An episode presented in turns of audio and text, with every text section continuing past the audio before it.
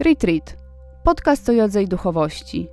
Czasem na poważnie, a czasem w wersji pop i anegdotycznie. Dla poszukujących, ale też tych nieco sceptycznych. Zapraszam.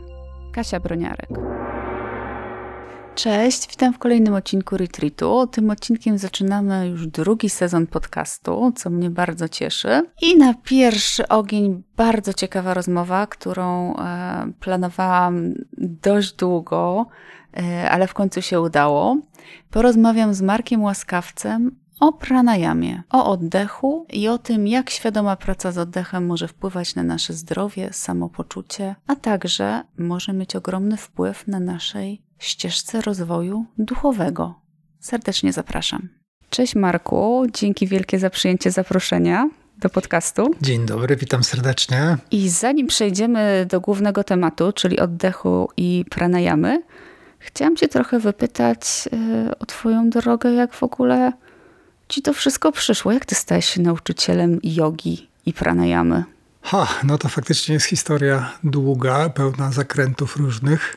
Tak naprawdę to trochę przez, przez przypadek, no chyba, że założymy, że jakaś karma tam się wdała w to wszystko. Także y, ja bardzo dużo y, przez wiele, wiele lat grałem w tenisa. Y, I to jest taki sport, który jest bardzo asymetryczny, w związku z tym tak czy owak starałem się robić różnego typu korekcyjne ćwiczenia, ale w pewnym momencie na tyle to było mocne, że potrzebowałem jakichś takich ćwiczeń typu rozciąganie, wzmacnianie ciała i tak dalej. No i właściwie yoga była z taką jedną z opcji, do, na którą trafiłem. E, I od razu coś takiego poczułem, że to jest coś takiego zupełnie innego, że to nie jest tylko praktyka fizyczna, tylko że to jest trochę coś więcej.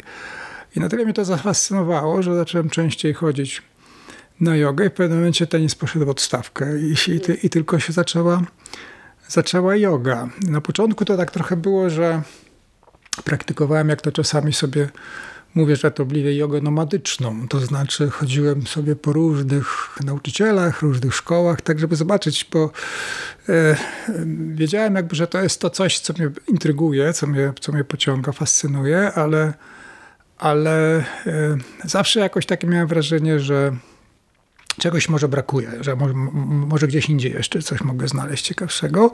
I w pewnym momencie trafiłem na, na, na, na praktykę asztangi. I to mnie zupełnie już wciągnęło. I wtedy już wiedziałem, że znalazłem taką metodę, która mi bardzo, bardzo podpasowała. E, I zacząłem ją praktykować. Gdzieś tam po, ja wiem, po dwóch, trzech latach e, zacząłem się też interesować E, oddychaniem, czyli różnymi różnego typu praktykami oddechowymi. Na początku to było takie zainteresowanie trochę, trochę takie od przypadku do przypadku. Nie było tam regularności. E, nie miałem też okazji e, znaleźć kogoś, kto by mi dał taką bardzo dobrą, bardzo dobrą metodę, spójną wewnętrznie, przetestowaną. Różni nauczyciele mówili różne rzeczy i to często było sprzeczne z sobą. Zresztą wiodze tak między Bogiem a prawdą jest, że jest, trudno powiedzieć, że jest jedna joga. Nie ma joga. papieża jogi, który nie ustala Nie ma papieża dogmaty. jogi, nie ma ortodoksji, są różne metody, różne podejścia i to trochę zależy także od wrażliwości i doświadczeń nauczyciela. No i w pewnym momencie mm, w pewnym momencie trafiłem na warsztaty z Richardem Freemanem, gdzie żeśmy robili dużo tych praktyk oddechowych i na tyle mnie to zafascynowało, że pomyślałem sobie, dobra, to ja w tym momencie jakby no, daję mu carte blanche, wierzę, że, że, że, że, że ta metoda jest ok i daję sobie trzy miesiące. I zobaczymy, co będzie. Trzy miesiące regularnej praktyki. Trzy miesiące codziennej praktyki, bo jak, jak pewnie większość naszych e, słuchaczy wie, asztangę się dość często praktykuje, właściwie no, te sześć dni w tygodniu. E, także zawsze starałem się po tej praktyce asztangi robić praktykę pranayamy. I tu jest trochę taka różnica pierwsza, która przynajmniej którą ja zauważyłem, że tak jak praktyka fizyczna, praktyka asan od razu po pierwszej, drugiej sesji coś mi dała. To znaczy miałem takie wewnętrzne przekonanie w ciele, w poziomie energii, że to jest coś, co warto robić dalej. To pranayama jest trochę bardziej subtelną techniką. I faktycznie to zawierzenie akurat mi dobrze zrobiło. To znaczy, to nie jest tak, że pierwszym, po pierwszym miesiącu wiedziałem, że ach, och, to jest to i że będę to robił. No ale jestem uparty z natury, w związku z tym wytrwałem w tym swoim postanowieniu i gdzieś w połowie tego okresu próby, czyli mniej więcej po półtora miesiąca, naprawdę mocno poczułem tą praktykę i, i właściwie okazało się, że pomimo, pomimo tej subtelności tej praktyki, ona jest o wiele mocniejsza i bardziej na mnie działa niż jakakolwiek praktyka asan. I w tym momencie wiedziałem, że znalazłem to coś, to coś, co, mm, co jakby przedefiniowało zupełnie moje podejście do praktyki jogi, do jogi, także do praktyki asan. No i zacząłem, zacząłem tą praktykę bardziej, bardziej zgłębiać i w pewnym momencie trafiłem na, na Sudhira Tiwari, który jest takim y, znanym nauczycielem pranayamy z Kaivalya Dhamma Institute w Indiach. To jest Kaivalya Dhamma, to jest jeden z takich najstarszych instytutów w tym roku. W przyszłym roku będzie miał 100 lat obchodził, e, który się specjalizuje właśnie między innymi w pranayamie i który ma taką bardzo spójną, uporządkowaną i przetestowaną przez wiele, wiele, wiele lat metodę praktyki. I e, e, byłem na warsztatach z Sudirem. No i potem, jak była taka okazja, to zrobiłem u niego kurs nauczycielski, gdzie gdzie żeśmy te różne techniki zgłębiali. No i tak właściwie trafiłem w to miejsce, w którym jestem dzisiaj. A wracając jeszcze, bo ja trochę miałam do czynienia z pranayamą na kursie nauczycielskim w Indiach, też trochę sama pranayamę wplatam w moją praktykę. Mam takie, wypraś mnie z błędu, jeżeli, jeżeli się nie zgadzasz, mam takie poczucie, że są jakby dwa poziomy. Jeden taki pierwszy, że pranayama bardzo uspokaja. Jednak taki świadomy oddech, też często wydłużony, skupienie się na tym oddechu, bardzo uspokaja, też jest dobrym wstępem do medytacji. No i jest ten taki drugi poziom, dla mnie jeszcze przyznam uczciwie nieuchwytny, dla ciebie z tego co mówisz, czułeś to od samego początku, czyli to takie wejście na ścieżkę już duchową bardziej, czyli nie, że uspokojamy swój system nerwowy, ale że coś nam to jeszcze więcej daje. Jak ty to widziałeś? Czy to u ciebie był proces? A, znaczy korekta mała, że nie od początku, bo to jest tak, tak jak mówię, tutaj jest potrzebny ten element takiego trochę zawierzenia i e, albo się chce to robić, albo nie. I to jest bardzo często jest tak, że jak ja pokazuję różne techniki, to niektóre osoby robią, mówią, a no dobra, fajnie poddychałem i potem nie robią tego regularnie, bo to jest taka technika, to jest taka metoda, pracy, e, tak, która wymaga po prostu regularności. E, e, natomiast w momencie, kiedy się to poczuje, to jest to coś naprawdę, naprawdę bardzo głębokiego. I teraz to, co powiedziałaś, te poziomy, to właściwie jest tak, że one współwystępują, bo pranayama nie jest czymś, co jest takim jedno wymiarowym zjawiskiem. Ona działa jednocześnie na kilku poziomach i to można powiedzieć od takich bardzo podstawowych poziomów fizjologicznych, gdzie mówimy o, o stymulacji układu oddechowego, układu krwionośnego, układu trawiennego, układu endokrynalnego, e, czyli takie po prostu można powiedzieć, praktyki, które mają bezpośredni wpływ na to, jak się czujemy, jak funkcjonujemy w świecie i tak dalej. Y, innym poziomem, i nie mówię, że lepszym czy wyższym, ale po prostu inną sferą, czy innym poziomem, na którym te praktyki działają, to jest praktyka, to jest umysł, gdzie i tutaj, tak jak słusznie zauważyłaś, to jest kwestia wpływu na umysł, tego w jaki sposób jesteśmy poprzez odpowiednie, odpowiednie modulowanie oddechu wpłynąć na stan naszego umysłu, czyli y, możemy go uspokoić, y, przygotować do medytacji, e, znaleźć jakąś taką wewnętrzną ciszę. E, kolejny poziom to jest poziom energetyczny, bo te praktyki pranayamy tak naprawdę wywodzą się z e, początków hatha yogi, gdzie głównym celem tych praktyk było obudzenie wewnętrznych energii różnego typu. Czyli tejże prany, czy nie tylko? To jest tak, e, to trochę już, to już wchodzimy teraz trochę w historię i teraz to też zależy, którą się książkę czyta. To mm, trzeba powiedzieć sobie uczciwie, że jeśli chodzi o nomenklaturę, o podejście, to, to się, po pierwsze to się zmieniało, a po drugie to jest trochę tak, że wielu autorów miało trochę inne podejście. I jeśli chodzi o nomenklaturę, bo o to pytasz, to prana jest terminem wieloznacznym. I teraz prana można tłumaczyć jako e, energię życiową, coś, co, nie wiem, przenika wszechświat, co daje mu siłę, energię, co nas przenika, co, co nam dostarcza energii. I prana to jest także oddech. Po prostu oddech. Po prostu oddech w czyst, czysto fizjologicznym znaczeniu. Prana, trzecie znaczenie prany, to jest, to jest także wdech. W związku z tym, jak się czyta i pojawia się słowo prana, to trzeba dobrze y, rozkminić, co autor miał na myśli, bo może się okazać, że, że przypisujemy inne znaczenia temu tekstowi niż, niż autor, mm, autor miał na myśli. E, I teraz prana yama w tej zbitce to jest po prostu kontrola oddechu. Czyli świadomy oddech. Nie, że oddychamy po prostu, tylko jednak jakoś go modyfikujemy.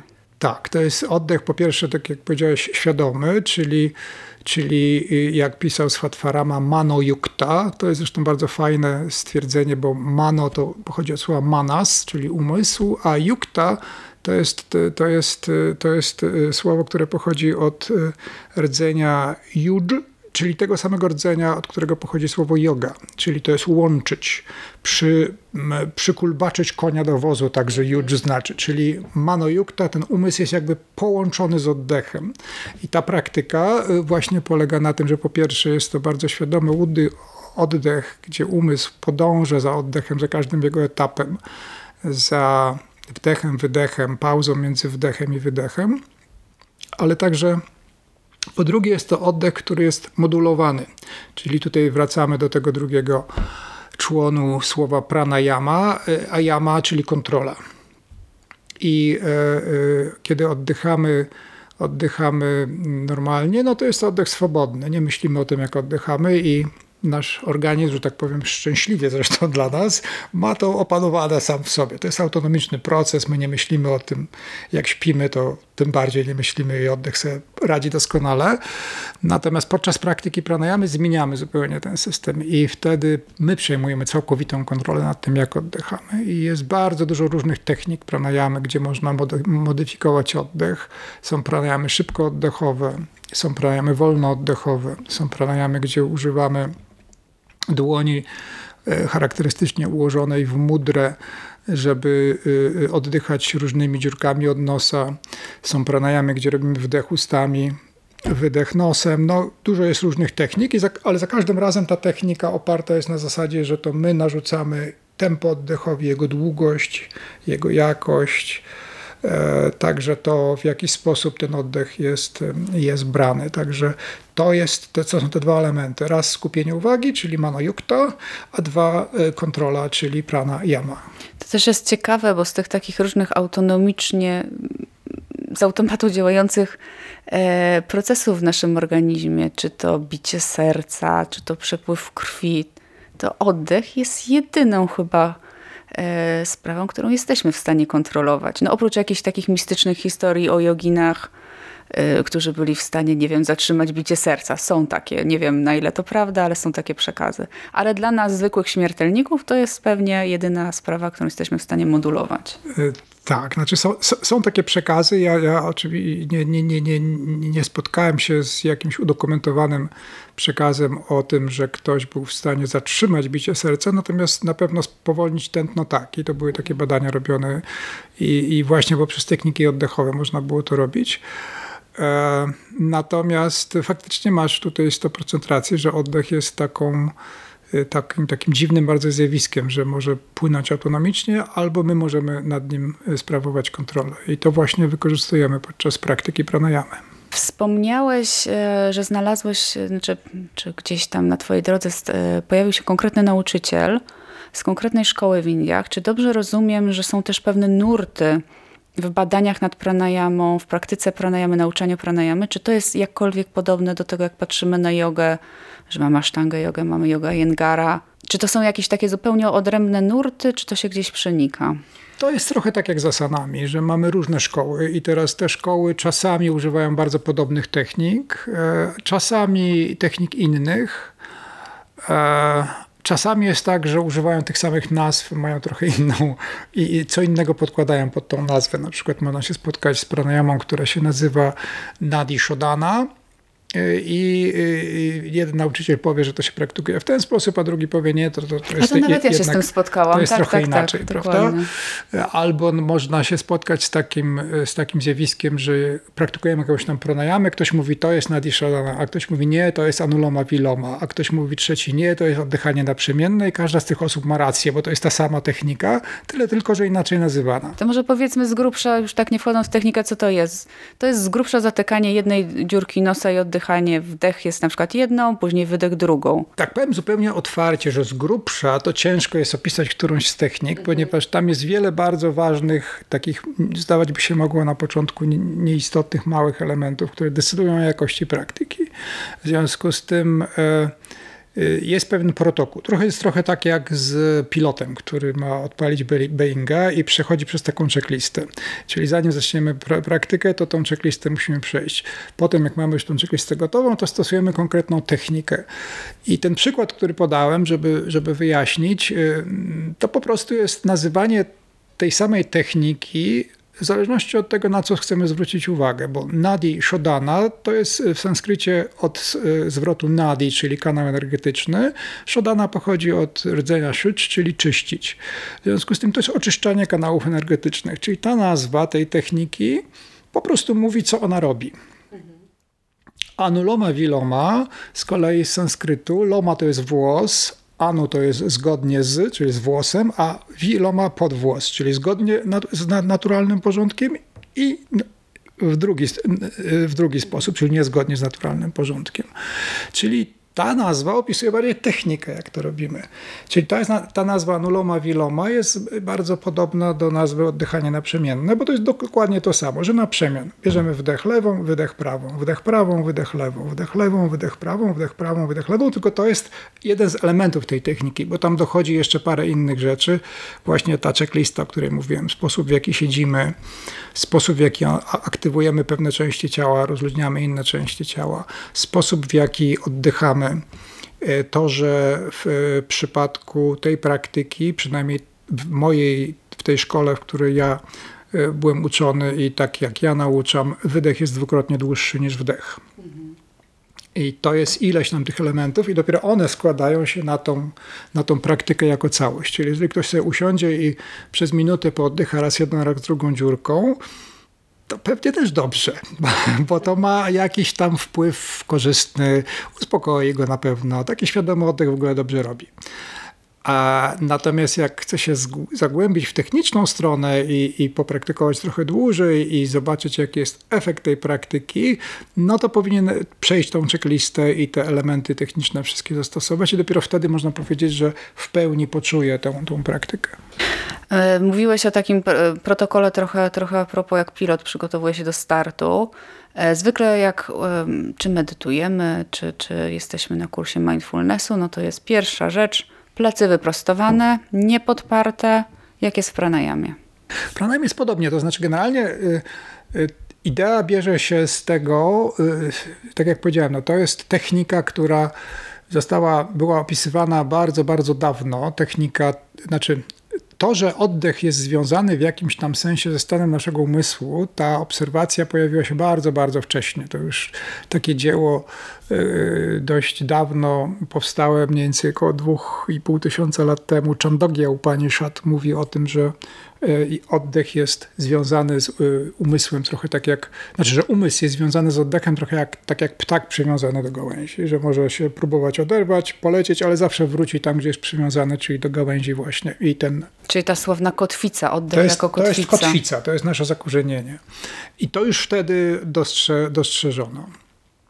E, w historycznych przekazach e, w kanonie palijskim, który opisuje historię Buddy mamy też wspomniane to, że Buddha poszukując swojej drogi na pewnym etapie przystał do takich ascetów wędrujących, którzy praktykowali różne techniki oddechowe. Zresztą Buddha krytykował te techniki w ogóle. O, ciekawe. E, no, prawdopodobnie one były dość mocne i akurat mu nie podpasowały albo z jakichś innych względów, ale to jakby mniejsze o to. I do, czyli pranayama jako koncept pojawił się dość wcześnie. Znaczy, może nie pranayama z nazwy, ale w ogóle od, mhm. kwestia oddechu. U Patanjalego już używa się słowa pranayama, czyli mówimy... Tak, w tym ośmio, ośmiodzielnej ścieżce, ścieżce jogi tak, jest tak, jako osobny punkt. Czy ośmionarzędziowej, tak. na, na, na, narzędziowej metodzie jogi Patanjalego pranayama jest jedną z tych ośmiu narzędzi. Tak. E, ale, ale jeśli idzie o to, o czym ty mówiłeś, czyli o wyprostowanych plecach, to to dość mocno wiąże się już z hatha jogą, czyli z czymś, co mniej więcej się klaruje w okolicach X wieku naszej ery, gdzie pranayama była taką metodą e, pobudzania energetycznego. I y, y, to się wiąże z kolei z koncepcją jogicznego ciała, gdzie y, zakładano, że nasze ciało na poziomie energetycznym ma różnego typu kanały, którymi ta energia płynie i jednym z tych głównych, właściwie najważniejszym głównym kanałem jest tak zwana sushumna nadi. I ta sushumna nadi jest, płynie mniej więcej wzdłuż wzdłuż kręgosłupa i żeby ten przepływ był niezakłócony, to właśnie po to te proste plecy. Czyli jakby to jest takie bardzo praktyczne uzasadnienie. E, I to jest pierwsza rzecz, o, o, o, której zawsze mówimy, o tym e, prostym. Proste to znaczy naturalny kształt te plecy powinny mieć, czyli szczególnie dół pleców, który jest wygięty lekko do przodu, powinien właśnie ten naturalny kształt wygięcia przyjąć. E, my opierając się, jadąc samochodem, siedząc w fotelu, robimy wręcz odwrotną rzecz, czyli go wyginamy do tyłu. I to jest jakby pierwszy element tego, tego protokołu czyli ta prosta e, sylwetka, która jednocześnie jest rozluźniona w tym sensie, że e, te mięśnie, które nie biorą udziału w utrzymaniu tej prostej sylwetki, powinny po prostu być e, rozluźnione, zrelaksowane. Innym elementem tej checklisty jest na przykład aktywacja dolnych mięśni brzucha.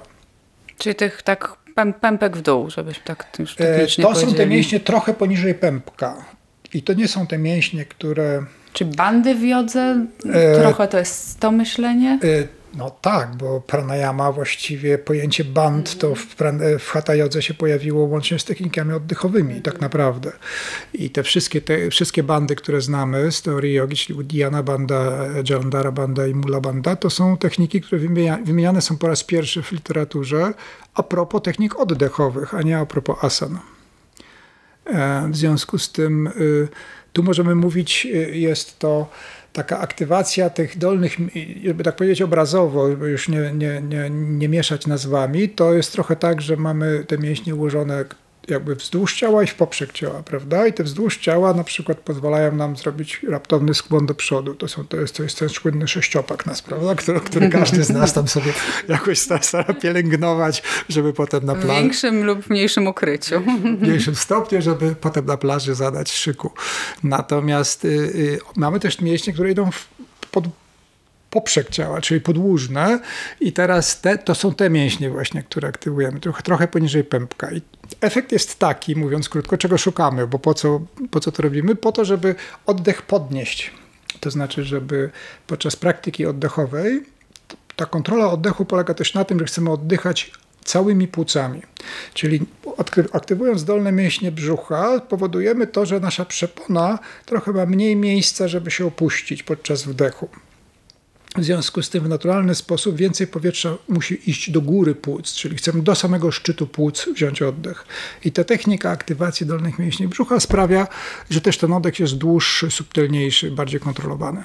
Spotkałam się z takimi e, stwierdzeniami, że pranayama, właściwie, że rolą pranayama, tak, rolą i asan, i pranayamy jest przygotowanie nas do medytacji, która to, skracam świadomie, ma nas z czasem doprowadzić do upragnionego oświecenia. Jak ty to widzisz? Czy pranayama jest dla ciebie jakimś przygotowaniem do czegoś dalej? Czy jest, traktujesz to jako technika sama w sobie? I też praktycznie, jak ty praktykujesz? Asany, pranayama, medytacja, czy... Oj, to kilka pytań naraz. Mam, mam, mam, nadzieję, że, że się nie pogudzę. Nie, nie, nie pobudzę, znaczy nie pogubię.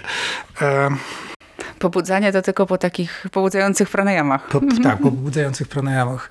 Zresztą są takie techniki oddechowe, dzięki którym możemy na przykład mieć taki efekt jak po podwójnym espresso na czcze, także to jest bardzo dobra technika. Tak, tak. Znam, znam stosuję, polecam. Tak, tak. E, I teraz tak, odpowiadając na twoje pytanie, można powiedzieć, że y, można praktykować pranayamę z czysto fizjologicznych powodów, z czysto zdrowotnych powodów i to jest dobry powód, żeby ją praktykować. Można praktykować ją jako element szerszy praktyki jogi y, i wtedy stosować ją jako coś, co jest pewnym przygotowaniem e, do, do medytacji. Tak to zresztą ujmował Patanjali w swoich Yoga Sutrach, gdzie, gdzie asana była właściwie dla niego mm, Pewnie by się zdziwił zresztą, gdyby zobaczył naszą współczesną praktykę asan, bo dla niego asana była po prostu pozycją siedzącą, e, która jest na tyle wygodna i stabilna, że możemy, możemy wprowadzić się w stan taki bardzo, e, stan powiedzmy wewnętrznej równowagi i w tym stanie wewnętrznej równowagi jesteśmy, e, jesteśmy możemy zacząć praktykę, praktykę oddechową. I y, ta praktyka oddechowa stwarza wówczas możliwość y, do skupienia uwagi. To tak on to opisywał w bardzo wielkim skrócie. Czyli y, u niego to jest taki logiczny wykład, który mówi o tym, że właściwie po to robimy asany, żeby być w stanie stabilnie i wygodnie przez czas dłuższy siedzieć bez ruchu z prostymi plecami. Czyli żeby ciało przygotować tak, do tego. Żeby, żeby ciało przygotować i właściwie on nie, nie opisywał asan y, takich, które my dzisiaj praktykujemy. Dla niego on, te przykłady, które pojawiają się w komentarzach do jego sutr, to są asany właściwie siedzące, czyli padmasana, swastikasana, e, siddhasana. Także tu mamy tylko i wyłącznie siedzące, siedzące asany. I siedząc wygodnie i stabilnie w tej pozycji, osiągamy stan wewnętrznej równowagi, zaczynamy praktykę oddechową, i ta praktyka wówczas, mówi Patanjali, powstaje gotowość do, e, do e, dharana, czyli skupienia uwagi. To jest ten pierwszy, pierwsza, pierwszy element e, medytacyjnej praktyki Patanjalego, który składa się z tych trzech elementów, dharana, dhyana i samadhi. E, czyli ona jakby pozwala nam dzięki pranayamie, Patanjali twierdzi, możemy skupić, e, skupić, e, skupić uwagę. Także to jest, to jest, taka jest mniej więcej, jeśli mówimy o całej praktyce jogi, o całej ścieżce jogi, to taka będzie rola rola pranayamy. I drugie pytanie, jak ja wplatam to w praktykę? Znaczy dla mnie ja też szukałem tego, te, pe, przez pewien czas odpowiedzi na to pytanie i myślę sobie, że nie ma jednej odpowiedzi. Bo trochę jest tak, że to zależy od tego, jaką mamy e, praktykę, jak często praktykujemy, ile praktykujemy, jak długo praktykujemy. To zależy też trochę od tego, ile mamy czasu o różnych porach dnia, prawda? Jedna osoba ma więcej rano, druga wieczorem, czyli trzeba to dopasować trochę do swojego, do swojego rytmu, bo żyjemy w dość e, rozbieganym świecie i ciężko jest nam powiedzieć sobie, dobrze, tak jak jogini mówili starożytni, to cztery razy dziennie, że o świcie w połowie dnia, potem o zmroku i potem w połowie nocy i te cztery razy Tylko dziennie. to byli chyba ci jogini jeszcze, wiesz, zupełnie, którzy porzucili życie dla no to byli zawodowcy, tak. tak. To, oni zawodowo jogę praktykowali i żyli w takich chatach gdzieś tam na, w górach albo na, na, na obrzeżach dżungli, gdzieś tam poza społeczeństwem i właściwie robili jogę na pełen etat, nic innego nie robili. Także w naszym przypadku i w moim przypadku to jest po prostu tak, że ja szukam tego momentu, kiedy ta praktyka może być y, najbardziej efektywna, kiedy ja najmocniej ją czuję. I w moim przypadku mm, to tak wygląda, że po prostu ja zaczynam sobie dzień od takich praktyk oczyszczających i przygotowujących do pranayamy, które zresztą są też aktywizujące, energetyzujące, jak na przykład kapalabhati. E, potem robię praktykę asan, Potem robię relaks krótki, jakiś, znaczy po prostu siawasana i potem robię praktyki wolnooddechowe. E, I to jest jakby moja rutyna dzienna. Ale może być też inna. Można, można robić tak na przykład, że pranayamy robić rano, a asany po południu, albo asany rano, a pranayamy po południu. Tyle tylko, że jeżeli się robi na przykład wieczorem, pranayamy, to trzeba uważać, żeby nie akcentować mocno tych technik, które pobudzają, bo wtedy ciężko jest zasnąć po prostu. Czyli trochę jest taka sztuka wyboru, no, w zależności od pory dnia. Trochę inne techniki będą pewnie bardziej, bardziej wskazane. E, także e, w moim przypadku ta, to, to, to wygląda tak, że ja całość praktyki staram się e, zrobić, zrobić rano. A y, czy praktyka pranayamy wpłynęła na to, jak oddychasz na co dzień? Tylko zupełnie o co mi chodzi. Jest świetna książka o oddechu, Breath, Jamesa Nestora. No i tam jest na przykład taka ciekawa rzecz, że bardzo wiele osób oddycha przez usta, podczas kiedy powinniśmy na co dzień starać się oddychać przez nos. Oczywiście oprócz sytuacji, kiedy, nie wiem, biegniemy maraton, wtedy to by było trudne. No tak. Ale że jednak to, jak oddychamy na co dzień ma ogromny wpływ na nasze zdrowie i samopoczucie. Mm, co o tym sądzisz i czy u siebie zaobserwowałeś jakąś zmianę? Ja myślę, że to jest, to jest bardzo trafne spostrzeżenie, że e, nie tylko pranayama, zresztą szerzej w ogóle praktyka jogi wpływa na to, jak oddychamy, bo najczęściej podczas praktyki asan, przynajmniej w wielu szkołach, y, jakoś tam się zwraca uwagę na oddech. Jakoś ten oddech jest też elementem tej praktyki. W związku z tym e, praktyka jogi będzie zmieniała to, jak oddychamy y, i zmieniała na korzyść. E, to, że jesteśmy w stanie w każdym momencie dnia na przykład nagle przełączyć się i skupić na oddechu, jest czymś, co jest bardzo dużym darem i dużą umiejętnością. Jeżeli mamy na przykład ważną, nie wiem, prezentację biznesową czy wystąpienie publiczne dla 300 osób i nagle zaczyna nas żerać trema, to możemy oczywiście łyknąć jakąś tabletkę, a e, co zresztą nie jest chyba wskazane przy takich sytuacjach, albo właśnie na chwilę usiąść sobie gdzieś spokojnie, niekoniecznie rozkładać matę czy jakieś tam bardzo duże rytuały, ale dosłownie 3 minuty skupić się na oddechu, zrobić jakąś prostą pranayamę albo po prostu świadomie pooddychać, lekko oddech wydłużyć, trochę, trochę mi się pobawić, pomodulować i to znakomicie uspokoi nas, osadzi, w jakiś tam sposób e, e, rozładuje to napięcie. Także techniki oddechowe w szczególności, ale także w ogóle praktyka jogi moim zdaniem dobrze wpływa na oddech i to, co powiedziałaś o oddychaniu przez nos jest zupełnie fundamentalną rzeczą. E, to jest po prostu z czysto zdrowotnych powodów. Jest to lepsze. Także myślę, że, że, że, że na, pewno, na pewno tak. E, plus e, można powiedzieć, że sobie, jak się techniki, te techniki pozna choćby trochę, to się w kieszeni ma taki specjalny jakby Mm, coś w rodzaju takiego małego pomocnika, czy, czy takich, takich narzędzi, które sobie w kieszeni nosimy. W momencie, kiedy coś się dzieje, to możemy je na przykład za, za, zastosować. Kiedy, nie wiem, jedziemy długo, długo samochodem i nie ma w pobliżu żadnej stacji benzynowej i chce nam się spać, to na przykład możemy na chwilę samochód zatrzymać, zrobić kilka ruchów, skłonów, a potem zrobić szybko techni e, oddechową technikę, która nas pobudzi i tej kawy już nie potrzebujemy kolejnej do tej jazdy.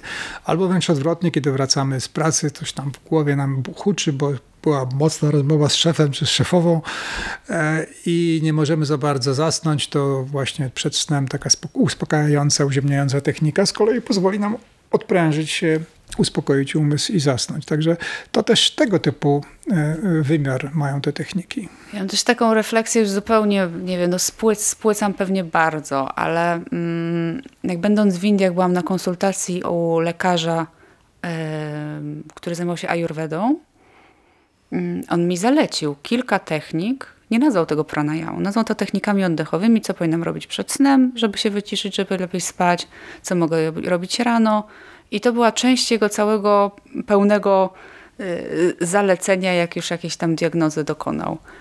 E, a często jak się chodzi, nie wiem, do psychologa, już nawet nie mówiąc do psychiatry, to zupełnie, zupełnie zapominamy o tych takich prostych, prostych technikach, które możemy wplatać na co dzień. Nie mówię, broń Boże, żeby to zastępowało jakieś leczenie poważniejsze, ale y, jakoś tak od, jako społeczeństwo Zachodu zapominamy o tym prostym, narzędziu zupełnie podstawowym, jaki mamy, jakim jest oddech.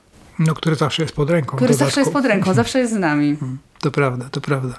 To jest bardzo słuszna, słuszna obserwacja. Zresztą to, co powiedziałeś wcześniej o tym, że e, lekarz ayurvedyjski zalecił pewne techniki, to też jest coś, co jest, e, co jest elementem praktyki pranayamy, bo to, jakiego typu nam praktyki osobiste zaleci nasz nauczyciel pranayamy, zależy także od naszej konstytucji ayurvedyjskiej, od tego, jakiego typu mamy mamy ewentualne problemy zdrowotne. Także pranayama ma też taki wymiar y, terapeutyczny, albo przynajmniej można profilaktycznie stosować ją, żeby zapobiegać pewnego typu schorzeniom.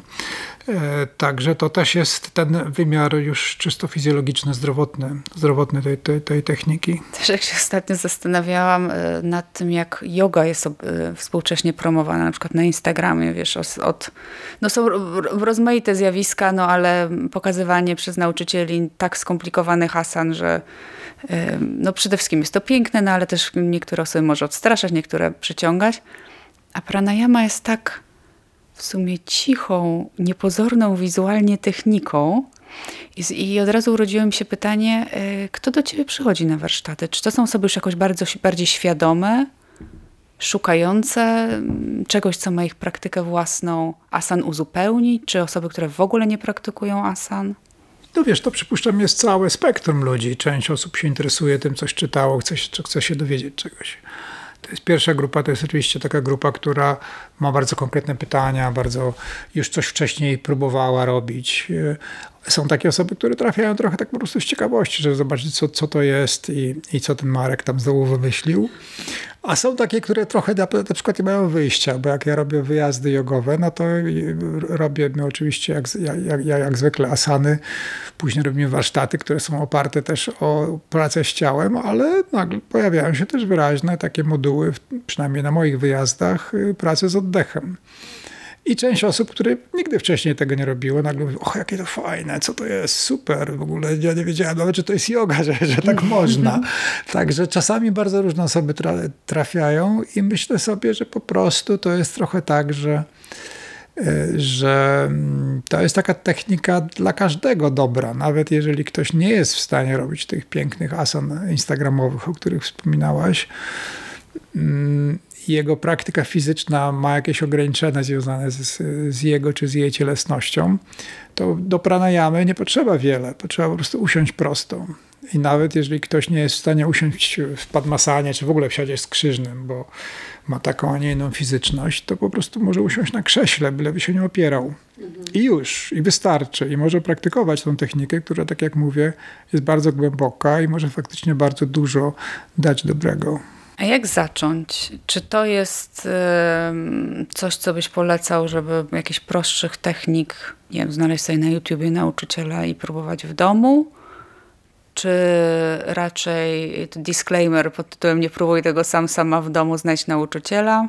Ha, no to jest w ogóle ciężkie pytanie. Znaczy, moim zdaniem to jest tak, że oczywiście jeżeli jest tak, że nie ma w naszej miejscowości, czy tak powiem w polu rażenia kogoś, kto nas może nauczyć w ogóle jogi, czy asan, czy pranayamy, no to wtedy oczywiście internet jest narzędziem, którego warto korzystać.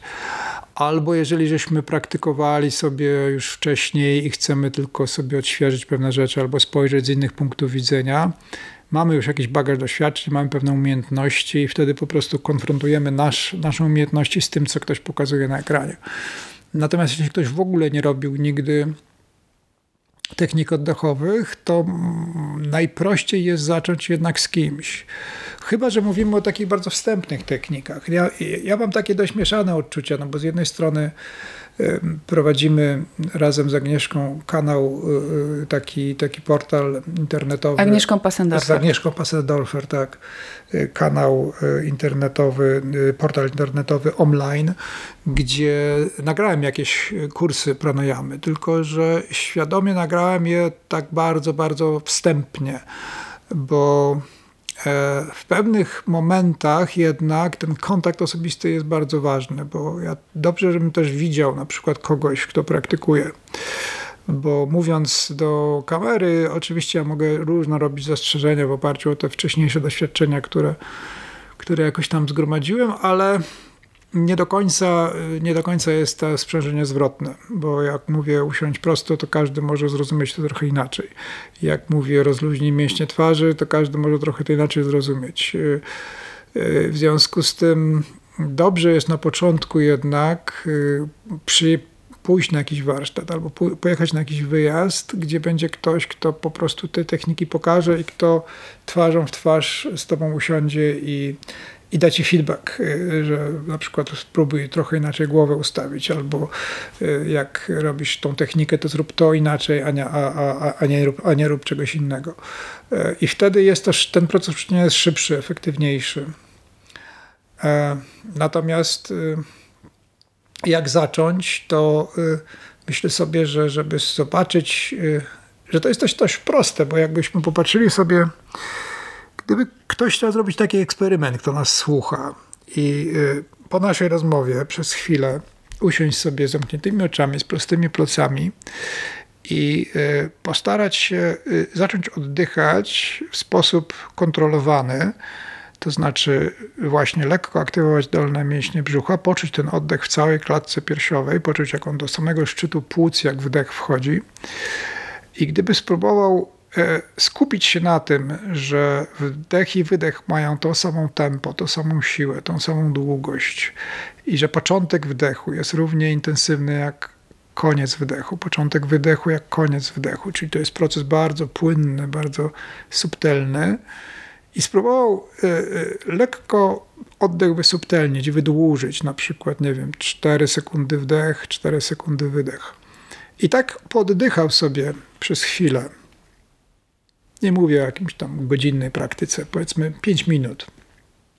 To już zobaczy, jak bardzo głęboki to jest proces i jakiego typu efekty to na jego ciało daje. To nie jest, to co opisałem nie jest żadną problemą. To jest praktyka świadomego oddechu, który, od której ja zwykle zaczynam e, jak uczę, uczę pranayamy i to jest coś takiego, co bardzo wielu osobom daje taką, takie poczucie tego, y, taki przedsmak tego, czym może być ta praktyka. A miałeś styczność z technikami oddechowymi, na przykład pana Wim Hofa, który dzięki oddechowi sprawia, że nie czujemy zimna, albo są te techniki wynalezione bodajże w latach 60. czy 70. E, przez osoby, które robiły badania nad wpływem LSD. LSD zdelegalizowano, zdelegalizowano badania więc poszli w kierunku zmieniania świadomości poprzez oddech. To był ten cały holotropic breath. Tak, tak. E, to jest nawet taka, taka teoria, oczywiście to ciężko jest zweryfikować, bo mówimy o rzeczach, które wydarzały się 3,5 tysiąca lat temu, ale jest nawet taka teoria, że mm, te, y, ci nomadzi wędrujący, którzy doszli w pewnym momencie do terytorium współczesnej Indii e, mieli taki specjalny środek, który był czymś w rodzaju środka pobudzającego, otwierającego świadomość, który się nazywał soma. Mhm. I do dzisiaj nie wiemy, czym to było, czy to była jakaś roślina, czy to był jakiś grzyb, czy to była jakaś mieszanka różnych, różnych e, ziół. Wiadomo tylko tyle, że ta soma wprawiała ich w taki stan ekstatycznej, wyższej, podniesionej świadomości. I jest taka teoria, że w momencie, kiedy oni stracili dostęp do tego, e, do tego narzędzia, do, do tej somy, to szukali innych sposobów na to, żeby odszukać to, to te mm -hmm. inne stany świadomości i stąd się wzięła yoga. Czyli stracili swoje LSD, szukali dalej. No tak, znaczy można tak trzeba to mniej powiedzieć, to jest oczywiście trochę, trochę uproszczenie, bo, bo to zawsze jak jakiś poważny nurt, proces powstaje, to on bierze się z wielu różnych czynników, z wielu różnych źródeł. No szczególnie, że w tamtych czasach w Indiach niespecjalnie dużo pisano, zapisywano i się żadne to, to właściwie prawda, to nie prawda, ostały. Tak przekazy? Y, no w Wedach na pewno nie mamy nic o jodze, poza tym, że słowo yoga występuje, to, ale występuje w tym znaczeniu jak przykul, przykulbaczyć konia do wozu, bo yoga też to oznacza.